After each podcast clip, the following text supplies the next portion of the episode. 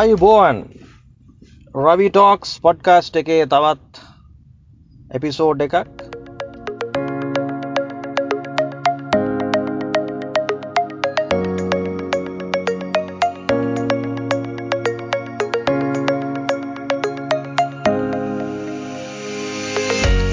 ඉතිං සුබ දවසක්. ඔයාලා සතුටෙන් ඉන්නවා ඇති කියලා මම හිතනවා. මම ඉන්නේ නුවර. නුවර වැවරවුමේ.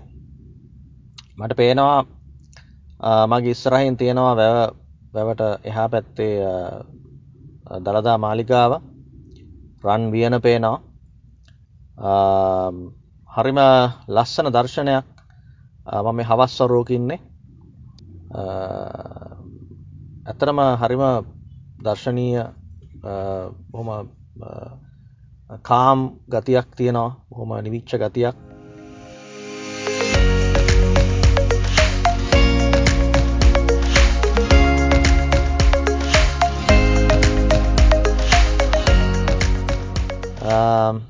මම මේ අද මෙතැන්ට ඇවිල්ලා ඇතර මේ මේ ළඟ ඉදලම දොහොත් මුදුන් දී වන්දනා කරලා දන්තධාතුන් වහන්සේට පොඩි කාරණයක් මම මතක් කරන්න තමයි මේ මේ නැඹුරුව මේ යොමුව යොදාගත්තේ. මොකද මම දැක්කා මේ සමාජ මාධ්‍යවල ගොඩක් දැන් මේ දානය ගැන ඊළඟට නොයකුත් අපේ තියෙන සංස්කෘතික අංගයන් ගැන අපේ ඉන්න සමහර බෞස්ෘත උදවිය මේවට බොහොම නිග්‍රහශී නිග්‍රහ කරලා කතා කරන.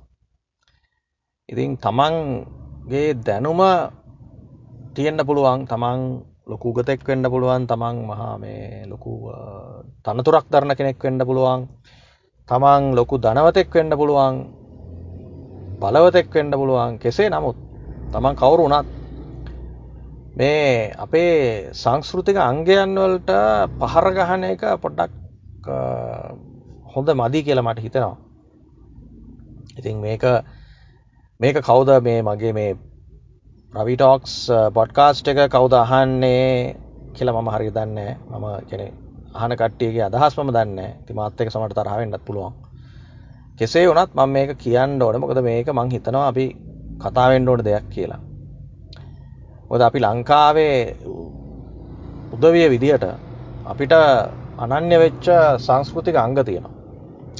අපේ නොයකුත් ආගම් ප්‍රධාන වශයෙන් ආගම් පිදිනවා ක්‍රස්තියානි කතෝලිකාගම තියෙනවා ඉස්ලාම් ධර්මය තියෙනවා බෞද්ධ දර්ශනය තියෙනවා හින්දු ආගම තියෙනවා ඉති මේ වගේ සංස්කෘතික අංගයන් තියෙනවා ඒක අනිත් මිනිස්සුන්ට වදයක් නෙවෙයි නම් අනිත් මිනිස්සුන්ට බාධාවක් නෙවෙයි නම් අනිත් මිනිස්සුන්ට හිරිහැරයක් නෙවෙයි නම්. ඒ ගැන අපි ඒකට සම්බන්ධ නැති පරිබාහිර පිරිස් ඒකට දොස් කියන එක එකට නිග්‍රහ කරන එක මං දකින්නේ හොඳ දෙයක් දෙත් නෙවෙයි.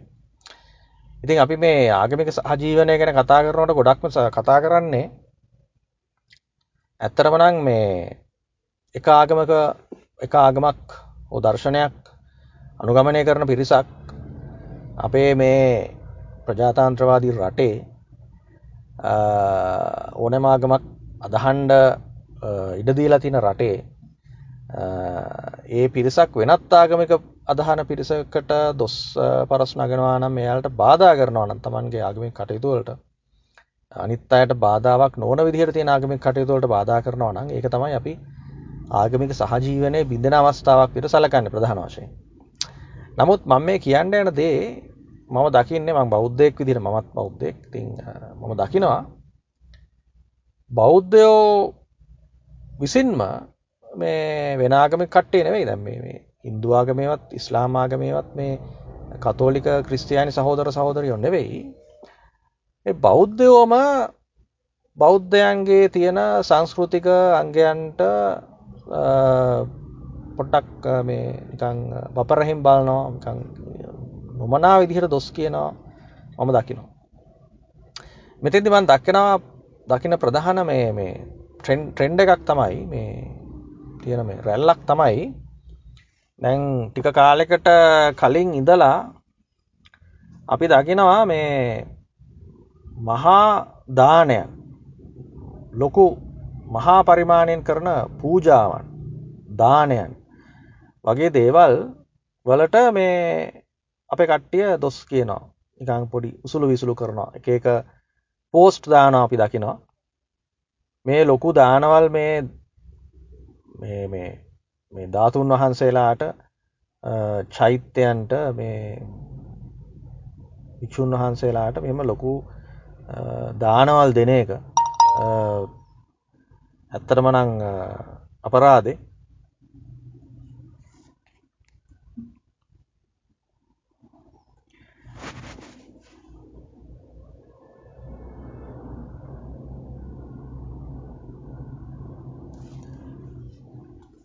මම මෙම කියන්නේ මම දැන් ටික කාලෙකඳල දකිනවා මේ අපේ විශේෂයෙන්ම මේ සමාජ මාධ්‍යවල තමයි. අපේ බෞද්ධයෝම අතර බෞද්ධයන් අතරම එක්තර නැඹුරුවත් තියෙනවා. මේ මහා පරිමාණයෙන් කෙරෙන දානයි මහා පරිමාණයෙන් කරන පූජාවන් ගැන දොස්කීම දොස් නැගීමක්.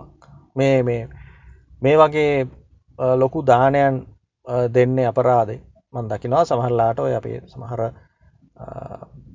ආගමික බෞද්ධ ආයතනව කැනෙ බෞද්ධ මධ්‍යස්ථානවලින් එමනත්තං භාවනා මධ්‍යස්ථාන වෙන්න පුළුවන් යම් යම් ආයතන තියෙනවානේ. සංවිධානාත්මකව මේ බෞද්ධ කටයුතු කරගෙන යන ආයතන. මේ වගේ අපි දකිනවා සමහරලාට අපි මේ ලොකු පළතුරු පූජාවල් වෙන්න පුළුවන් ලොකු දානයන් වෙන්න පුළුවන්. මේ ආගමික සිද්ධස්ථාන වලදී සිද්ධ කරනවා. ඉති මේ වගේ ෆොටෝ සරගෙන අපේ කට්ටිය දානවා මේ මේ දාන මේ කෑම අපරාදේ. මේ ගිහිල්ලා මේ ගස්කල්ලේ මේ තියෙන තැන්වල මේවා තියෙනවට වඩා මේ අසරන මිනිස්සු නොකා ඉන්නවා නොබී ඉන්නවා. ඒ කට්ටියට දෙන්න ඇත්තේ ඇයි කියලා. ඉතින් මම දකින විදිහට මගේ දැක්මානුවනං මන්දන්න බහුතරයක් මං හිතනවා එහෙමයි කියලා. මේක කිසිම වැරැද්දක් මම දකින්නේ මොකද බෞද්ධ දර්ශනය ලොවට අපිට මේ දේශනා කරපු බුදුරජාණන් වහන්සේ සහ ඒ මහරහතන් වහන්සේලාගේ ධාතුන් වහන්සේලා වන්දනා කිරීම අපේ තියෙන සම්ප්‍රදායක්. ඒක ඒක අපේ බෞද්ධ බෞද්ධයන්ගේ පිළිගැනීම අනුව ඒක ඇත්තරමනම් අපි කළ යුතු දෙයක්. කරන්න හොඳ දෙයක්. එක කාටවත් එහෙම කරා කියලා මනුස්සයකුට හානියක් වෙන්න. අපි ඒ දාන දුන්න කියලා අපි නොදාන නොදී හිටිය කියන්නක. නොදී හිටිය කියලා ඒ කෑමටික කවරුත් ගිහිල්ල මේ කණ්ඩ නැති විනිස්සුන්ට දෙන්න නෑ කමන්නෑක මට අපි දැන් එහෙනම් ඒ හාල් ටික ඒ පොලතුරු ටික ඒ කිසිම දෙයක් අපි පාවිච්චි කර අපි යොදාගන්න නෑ කියන්නකො මේ දානට. එහෙම තිබ්බා කියලා ඒවා මේ ඉබේ මේ අසරණ මිනිස්සුන්ට කවරුත් ගිහිල දෙන්නේනේ ඒවා ඒ විදිරම තින එක කවුරහරි අරගෙන කනවා. තින් ඒ කව මිනිස්සු කණ්ඩ තියන දේ මිලදී අරගෙන කන්න කන්න දේ තමයි අපි කවුරුහරි මිලදී අරගෙන මේ පූජාව කරන්න. ඉතින් මේවා මේ සමාජ මාධ්‍යවල දාලා මේවට මේ පෝස්ට් හදන්ඩ එපා කියලා මම මතක් කරනවා. මොකද මේවා අපේ අපේ අපි කෙනෙක්ගේ පුළුවන් හැකියාව අනුව කරන පූජාවක්. කරන්නේ දැනට අපේ පිළිගැනීම බෞද්ධයන්ගේ පිළිගැනීම අනුව මේ පූජාවන් ලැබිය ලැබීමට සුදුසුම උත්තමයෙක් උදහසා තමයි මේ පූජාව කරන්න. ඉති ඒකට ඒකට ඉඩ දෙන්න ඒක ඒ පූජාව ලැබීමටත් සුදුසුයි ඒ පූජාව කිරීමට හැකියාවකුත් තියෙන අර කවුරුහෝ ඒ පූජාව සංවිධානය කරන ඒ දානය සංවිධානය කරන කෙනාට. ඉති ඒක තමන්ටත් පුළුවන්න තමන්ට පුළුව හිතෙනවනම් හරි මීට වඩා හොඳයි මිනිස්සුන්ට මේ කෑමදෙන තමන් නිශ්ශබ්දව ඒ මිනිස්සුන්ට අසරණයන්ට කෑමක් වීමක් දෙන කරන්න. එක ප්‍රශ්නයන්නේ දැන් ඔය එහෙම කරා කියලා අරක අර මහාදානයට දොස් නගන්ඩ ඒ දානයට ෆොටෝ සැරගෙන එක එක අනවශ්‍ය පෝස්ට් දාන එක කරන්න එපා. දැන් අපේ ගොඩක් අය අපේ බෞද්ධය කරන දෙයක් තමයි මේක දැක්කහම මේක මේක අනුමෝදන්ගෙන මේකට කැම මේක හොඳයි කියලෙන මේ මේ මෙහෙම තමයි මේ මිනිස්සුන්ට ඒ පෝස්ට් එක හොඳයි කියලා එක ලයික් කරනවා. එමනත්තන් ෂයා කරනවා. සමහල්ලට එකට බැනල හරි කමෙන්ට් එකක් දාලා ෂයාගද එහෙම උනගමන් තවත් අරක ෂයා වෙනවා. ඉතින් ඒක කමෙන්ට් හොඳයිවත් නරකයිවත් නොකිය මං ඉල්ලීමක් කරනවා අපේ බෞද්ධ ජනතාවගෙන්. මේ අපේ අපේ බෞද්ධයන්ට නිදහසේ මේ වගේ ලොක පූජාවල් කරන්න තියෙන මේ ලංකාවේ විතරයි. ඉතින් ඒක කරන්න ඉඩ දෙන්නේ මිනිස්සුන්ට. ඒකට ඒක අධෛර්යමත් කරන්න කතා කරන්න එපා. එක ලොකු වැරද්දක්. සහ මේ ළඟදි මම දැක්ක මේ සත්තු අපි දන්නවාන මේ සත්තුන්ගේ අයිතීන් සම්බන්ධව සත්තුන්ගේ වෙල්ෆෑයක ගැන කතා කරන නොකුත් සංවිධාන තියෙනවන දැන් අපේ ලංකාවේ.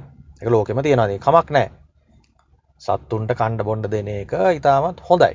සත්තු නිකං නොකා නොබී පාර තැන්තැන්ගල මැරලෑනට වඩා බත් වෙලක් කන එක ඒ සත්තුන් ගැන සත්තුන්ට ප්‍රතිකාර කරන එක ඔේ සත්තුන්ට ඉන්ඩ තැනක් මොනහරි කවුරි හදනවනම් ඒක හොඳයි.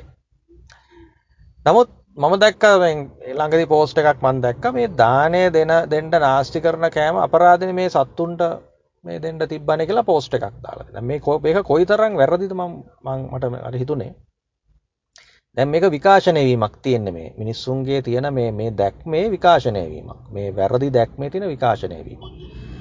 දැන් කතා කරනවා මේ සත්තුන්ට දෙන්න කියලා මේ කෑම. ඉතිබන් නැවතත් කියන්න ඒ වගේ බොහොම වැරදි දේවල් කියන්න එපා.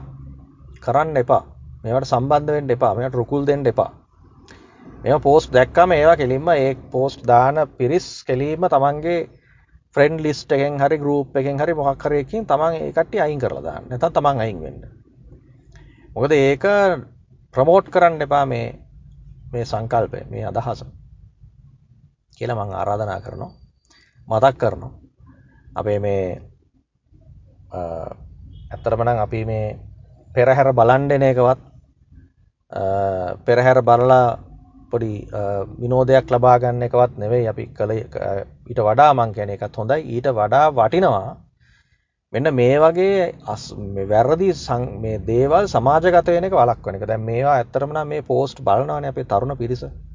එතුර එයාලා හිතන්නේ මේවා ඇත්ත තමයි මේ. මෙහෙම තමයි වෙන්ඩ ඕන. මේ මේ මෙමන් දැක මේ ගොඩත් ඇඟල මේ දාලා තිනවා බොහොම ගැඹුරු බෞද්ධ දර්ශනය ගොඩක් ගැඹුරු කාරණා මේ කට්ටිය මතු කරනවා මෙන්න මෙහෙමනේ තියෙන්න බෞද්ධ දර්ශනය මෙහෙමයි තියෙන්නේ. ඔහොම දාන දෙන්න කියලා නෑ කියලා. නමුත් ඒ කියන්නේ ඒකෙන්ම තේරෙනවා මේ කට්ටියගේ ධර්මයේ සම්බන්ධව තියෙන ගැඹුර මොකක්ද කියලා. ධර්මයේ ගැඹුරට යනවා කියලා කියන්නේ මේ මේ මොකද්ද මේ කෙනෙකුට තර්ක කරන්න ධර්මයේ ගැඹුරට යනකොට කිසිම දෙයක් ඕනේ නැහැ. තමන් භාවනා කරලා නැතිවරි මිනිස්සුන්ට කණ්ඩ දීලා එහෙම කරන්න කියලා. දැන් එහෙම නෙවෙයි. නැති බැරි මිනිස්සුන්ට කණ්ඩ දුන්නට කමක් නෑ. නමුත් මේ ධර්මය තමන්ට දේශනා කරපු තමන්ගේ ශාස්තෘන් වහන්සේට ශාස්තෘන් වහන්සේගේ ශාසනයට කෙනෙක් සලකනවනං ඒකට දොස් කියනවනං කෙනෙක් මට අපිට හිතන්ට තියෙන්නේ එයා මේ ශාසනය මේ ධර්මය බැසගෙන තින ප්‍රමාණය මදි කියල. ඒවක් කරන කට්ටියට කරන්න දෙන්න එක කාටවත් හානියක් නෑන. තමන්ට ඒකම හිතෙනවනම් තමන් ඒවා තමන් දහමේ ගැඹුරටත් ගිහිල්ල ඉන්නවනම් තමන්ට පුළුවන්නම් තමන්ගේ අහසරණ මිනිස්සු හොයලා කෑමක් දෙන්න. තමන් වෙනම කට්ටයක් සංවිධානය කරගෙන හරි ඒ වගේ අසරණ මිනිස්සුන්ටත් යමක් කරන්න. නමුත් තමන්ගේ ශාස්තෘන් වහන්සේට තමන්ගේ ශාසනයට තමන් අයිති මේ විදිහට වැරදි අදහස් සමාජගත කරන එකට සම්බන්ධ වෙන්න එපා. ඉතින් මං බෙහ බොහොම කරුණාවෙන් මේක මතක් කරන්නේ. මේක අහන කට්ටිය මේක පුළුවන්නන් ෂයා කරන්න. මේ මේ අදහස ඕලත් පුළුවන්න මේක සමාජගත කරන්න. ඉරි මං මේ මේ බස් සද්ද වාහන සද්ද ලොරි සද්ධය මැහෙනවා මෙතන. ම මේ වැවරෝම ඉන්නේ. ඉතිං ශ්‍රවණ සත්‍යය මේ ඇහෙනගේ මං හිතන්නෑ ලොකු ප්‍රශ්නයක් ඇති කියලා. මේ කාරණය මට ඔලට ඉදිරිපත් කරන්න අවශ්‍ය වනේ මේ වගේ තැනක ඉඳලා. මේ වගේ උතුම් තැනක් ඉස්සරහ ඉඳගෙන. ඉතිං ඔයාලත් පුළුවන්න නුවරාපු හැම්වෙලේම රවමට ඇවිල්ල පොඩ්ඩක් ඉඳලා මේ දන්තධාතුන් වහන්සේ වැඩ සිටින මේ දළදා මාලිකාව ශ්‍රී දළදා මාලිකාව ඈතින් සිට හරි දැකලා වන්දනා කරලා හිත පහදවාගෙන යන්න කියලා මම මතක් කරනවා. ඉතිං අද මම මේ කියපෝ ඇතරම නම් මේ පිසෝඩ් එක අබෞද්ධ පිරිසට වඩා මං මේ ආමන්ත්‍රණය කරේ බෞද්ධයන්ට. අබෞද්ධ පිරිසට ඇත්තරම නම් මේ මේ ඒ කට්ටිය ඇත්තරම නම් මේ විදිහේ මං හිතන්නෑ වැඩි වැඩි දෙනෙක් එහෙම කරනවා ඇති කියලා. ගොඩක් කලාට අපේ බෞද්ධයන් අතින් සිදුවෙන වරදක් තමයි මම මතක් කරේ. ඉතිං අලුත් පරම්පරාව ඔය නංගිල මල්ලිලා දුවල පුතාලා කොම තේරුම් ගණ්ඩ තමන්ගේ දැනුම තත්ත්වය අපි කියන්නේ මේ මහන් තත්ත්වය කියලා ඒ වගේ දෙයක් ඔය අඩු වයසට එන්න පුළුවන්. තමන් හිතන හැම දෙයක්ම හරි කියලා හිතන්න පුළුවන්. එහෙම හිතලා මේ වගේ අන්ද විදිහට මේ වගේ වැරදි දේවල් වලට සම්බන්ධවෙන්න එපා. සමාජ මාධ්‍ය තුළින් හරි තමන් වගකීමෙන් තමන්ගේ විශේෂයෙන්ම මේ තමන්ගේ ආගම දර්ශනය මේ ජාතිය රට ගැන ටිකක් හිතන්ඩ හිතල තමන්ට අර විදියට අසරණය දුපත් මිනිස්සු ගැන සත්තු ගැන හිතෙනවනම් ඒ ඒව කරන්න තිය උදව් කරන්න. කමක් නෑ ඒ කරන ගමන් තමන්ට පුළුවන් හැම්වෙලේම තමන්ගේ ආගම දහම ශාසනයට යමක් එකතු කරන්න බලන්ඩ ඒව කඩන්ඩ හදන්න එපා. එක බොහොම ලොකු පවක්. එනිසා වැඩි දෙනෙක් පන්දන්න එහෙම නෑ නමුත් සුළුතරයක් ඉන්න විදිහ කට්ටි ඉද ඒ කට්ටිට ම මේ කියන්නේ මතක් කරන්නේ දැනුවත්තෙන්ට මේ ගැන අවබෝධයෙන් වැඩ කරන්න කල්පනා කාරීව. එමනම් නැවතත් තව එපිසෝඩ් එකින් රවි ටෝක්ස් පොඩ්කාස්ට් එකකින් අපි පටගස්ට එකේද අපි හමුයමු එතෙක් සුබදවසක්.